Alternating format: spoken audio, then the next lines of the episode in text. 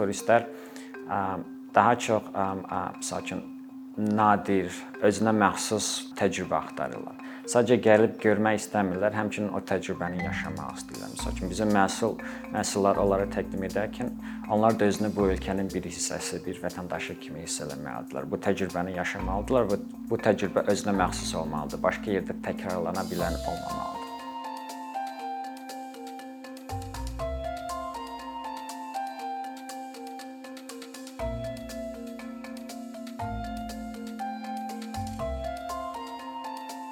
2023-cü ildə Turizm Agentliyi Azərbaycan turizm strategiyasını müəyyən eləmişdi. Burada bir neçə istiqamətlər var. Amma bu bütün istiqamətlərin əsas qayəsində, məğzində onu görmək olur ki, turizm daha çox Azərbaycan üçün qeyri-neft sahəsinin inkişafı nöqteyi-nəzərindən çox vacibdir. Bu Bakıdan kənarda regionların inkişafı üçün çox vacibdir iqtisadiyyatın şərhləndirilməsi üçün çox vacibdir. Xüsusilə regionlardakı yerli icmaların rifah halının yaxşılaşdırılması üçün çox vacibdir.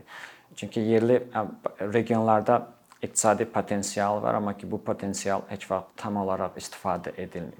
Yəni turizm bu cəhətdən o potensialın üzərə çıxarılması və regionda yaşayan əhalinin rifah halının yaxşılaşdırılması üçün çox vacib məqamlardan biridir. Bu niyə görə vacibdir? Çünki turizm sənayesi adətən digər sənayelərlə müqayisədə daimi olaraq, stabil olaraq illik 10% artım qabiliyyətinə malikdir. Bəzi ölkələrdə bu çoxdur. Məsəl üçün Azərbaycanda 2018-ci ildən sonra bu artım hətta 20%-ə qədər çata bilmişdi. Əgər bu sənayedə stabillik təmin edilərsə, illik 10% artım əldə etmək mümkündür. Bu digər e, iqtisadi sektorlarla müqayisədə çox böyük göstəricidir və bu insanların həyat rifah halının yaxşılaşdırılmasına xüsusilə regionlarda yəni çox vacib məqam olardı. Amma mövzuya girməz girməzdən ilk öncə qeyd eləmək lazımdır ki, Ümumiyyətlə turizm bazarındakı vəziyyət necədir? Trendlər nələrdir? Son dövrlərə qədər dünyada ən çox səyahət edən səyahətçilər və turistlər Amerika vətəndaşlarıdır. Bu 2017-ci ilə qədər belə olub. 2017-ci ildə ilk dəfə Çin vətəndaşları dünyanın səyahət edən Amerika vətəndaşlarının sayını üstələyir. Həm sayca yox, həmçinin də Çinli turistlərin xərcləri də Amerikalı turistlərin xərclərindən 2 qat artıq olmuşdur.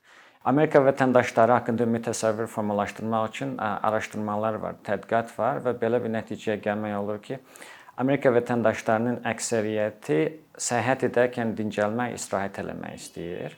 Növbəti sırada gələn əsas məsələ odur ki, Amerikalı turistlər səyahət elədiyi ölkələrdəki mədəniyyəti öyrənmək istəyirlər, bununla tanış olmaq istəyirlər.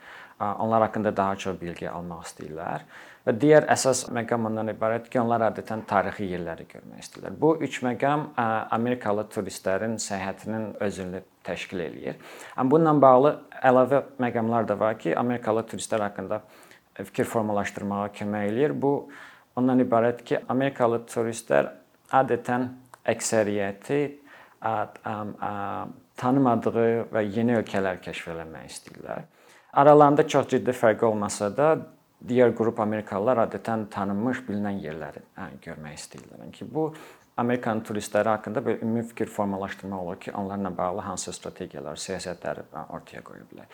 Digər vacib məqam ondan ibarətdir ki, Amerikalı turistlər adətən il ərzində 4 destinasiyaya səyahət etməyi planlayır. Yəni ki, bunun neçəsini həyata keçirir, bunun özü ayrı, ayrı məsələdir, amma ki, bu çox vacib məsələdir ki, onlar haqqında fikir formalaşdıra bilər. 2017-ci ildən sonra Çin turistlərinin sayının artması artıq vəziyyəti dəyişdirməyə çalışır. Çünki siz artıq turizm bazarında Amerikalı turistlərə yox, eyni zamanda Çinli turistləri də hədəf almalısınız. Çinli turistlərin Amerikalı turistlərlə oxşar cəhətləri olsa da bir çox fərqli cəhətləri var. Oxşar cəhətləri ondan ibarətdir ki, onlar da tarixi yerləri görmək istəyirlər, gözəl mənzərəsi, müxtəlif landşaftları olan ölkəni görmək istəyirlər. Amma ki, fərqli məqamlar ondan ibarətdir ki, Çinli turistlər haqqında biraz stereotip olsa da, Çinli turistlər adətən 5 gün ərzində 10 şəhəri gəzmək istəyirlər. Məsəl üçün ən ən ən tarixi, qəşəng, görməli yerlərin şəklini çəkib ə, ə, belə səyahətlərinə davam eləmək istəyirlər. Bu cəhətdən Amerikalı turistlərdən Çinli turistlər fərqlənirlər. Yəni çox qısa müddətdə səyahət eləmək istəyirlər və Çinli turistlərin əsas xərcləri də daha çox alış-veriş və bazarlığa gedir. Bu da ondan irəli gəlir ki, əgər məsəl üçün Amerikalı turist ildə 4 dəfə səyahət eləməyi planlayırsa, Çindəki turist çox nadirən səyahət eləməyi planlayır. Çin vətəndaşlarının yalnız 7%-nin pasportu var. Yəni çox çox az bir rəqəmdir, amma ki tədqiqatçılar proqnozlaşdırırlar ki, Çinli turistlərin turizm bazarındakı payı 2030-cu ildə 25%-ə qədər yüksələcək. Buna görə Çinli turistlərin bir şəklini formalaşdırıb onlara onlara yönəlik siyasət və strategiya həyata qurmaq çox çox vacibdir. Yəni ki, belə bir dünya bazarında trendlər var.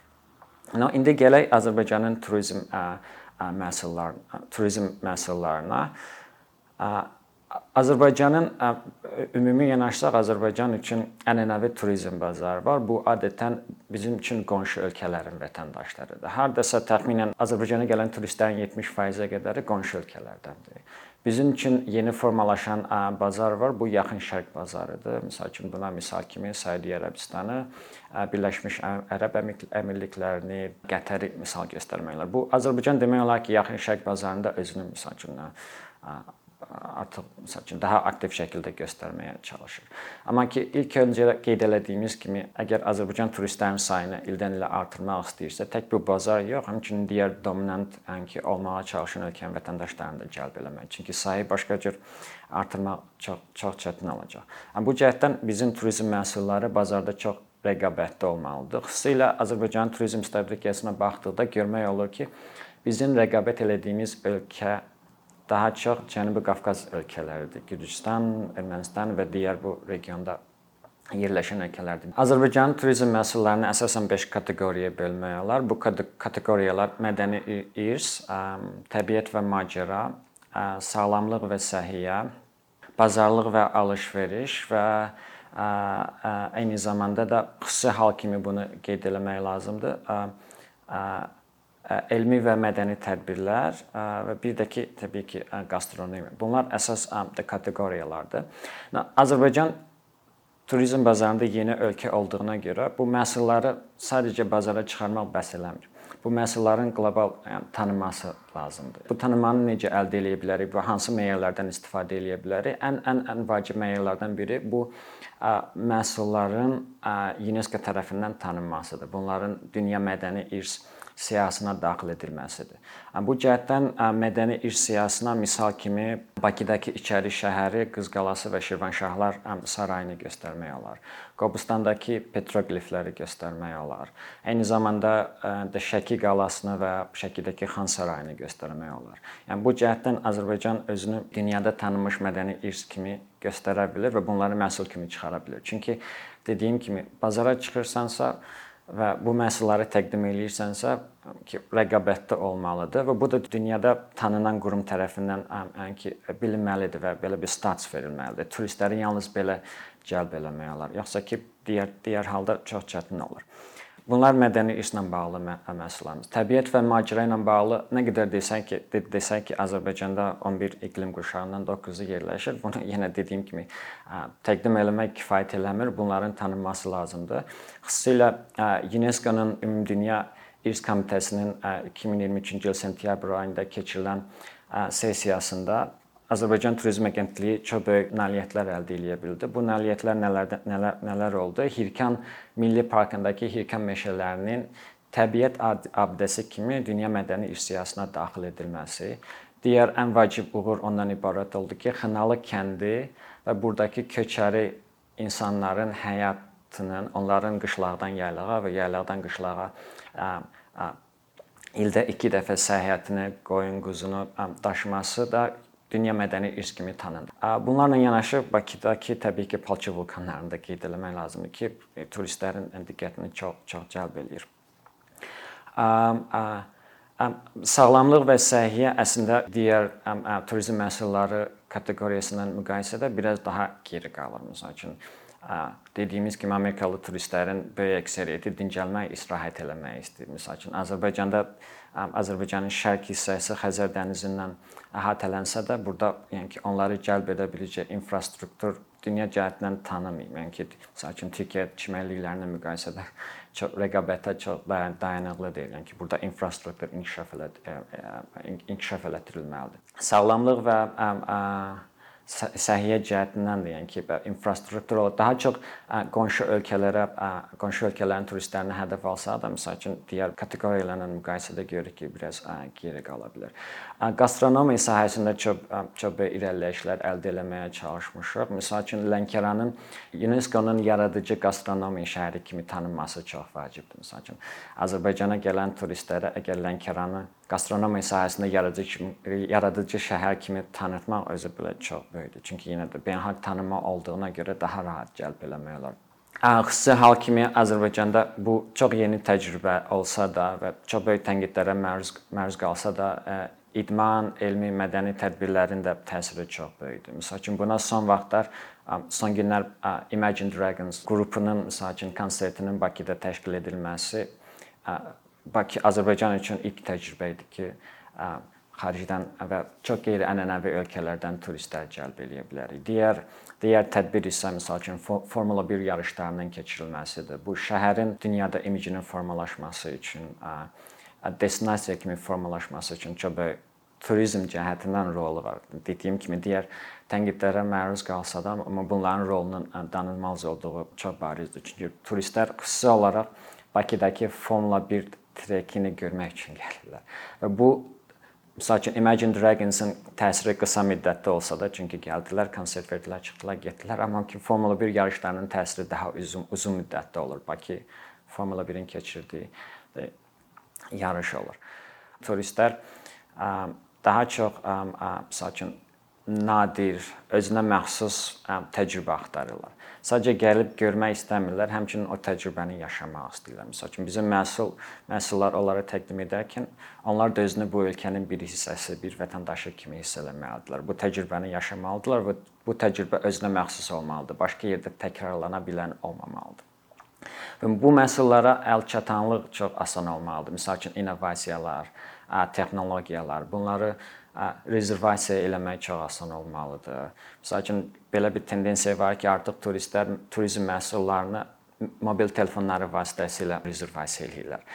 Gedib turizm agentliklərinə müraciət edib onlardan o məhsulları alırlar. Daha daha qısa müddətli olmalıdır, daha asan olmalıdır onların rahatlığı üçün. Yeni formalaşan adətlərdən biri odur ki, bu turizm məhsulları dayanıqlı olmalıdır. Məsələn, onların qərarlarına çox təsir edir. Dayanıqlı o cəhətdən ki, bu məhsullar satışı zamanı ətraf mühiti qorunma cəhətdən həssaslıq olmalıdır və bu məhsullar satılarkən yerli icmaların həyat tərzinə, iqtisadiyyatına necəsə təsir eləməlidirlər. Yəni ki, onlardan alıb onlara qaytarırıq. Ki burada belə bir tendensiya ola bilər ki, böyük şirkətlərə yox, daha çox kiçik şirkətlərə, yerli şirkətlərə müraciət edə bilərlər ki, bu onların turistlərin töhfələri sırf onlara getsin. Son dövrlərdə belə bir qrup turistlər formalaşıb ki, bunlar adətən daim işgüzar səfərlərdə olur. Amma işgüzar səfərlərdə olarkən də ölkənin mədəniyyətini öyrənmək istəyirlər. Bunlarla necə davranmaq lazımdır? Onlar çox qısa müddətdə və çox operativ şəkildə məhsulları onlara təqdim eləyə bilmək lazımdır. Yəni ki, bu bu bu, bu turistlərin məsəl üçün uzun müddətli vaxtları yoxdur ki, burada 4-5 gün keçirib o təcrübələri yaşasınlar. Çox qısa müddətdə o məhsulları onlara çatdıra bilmək lazımdır. Belə ümumi olaraq götürsək görə bilirik ki, Azərbaycan bu turizm məhsullarını formalaşdırma mərhələsində çox yaxşı addımlar atılıb. Növbəti mərhələdə artıq dediyim kimi bəzi kateqoriyalarda çox yaxşı məhsul təqdim eləyə bilsək də digər digər kateqoriyalarda məsəl üçün geri qala bilirik. Amma bunları bazara çıxarmaqdan əlavə də bunu təqdim eləyib turistlərə sata bilmək bu bunlar da çox vacibdir. Əgər Azərbaycan belə ümumi götürsək görürük ki, çox sürətli inkişaf yox, tədricən addım ba addım, mərhələli şəkildə məsəl üçün turizm bazarında öz yerini tutmağa ki, nail olmağa çalışır. Yəni ki, uzun müddətli prosesdə belə şəkil çox yaxşı görsənir Azərbaycan turizmi üçün.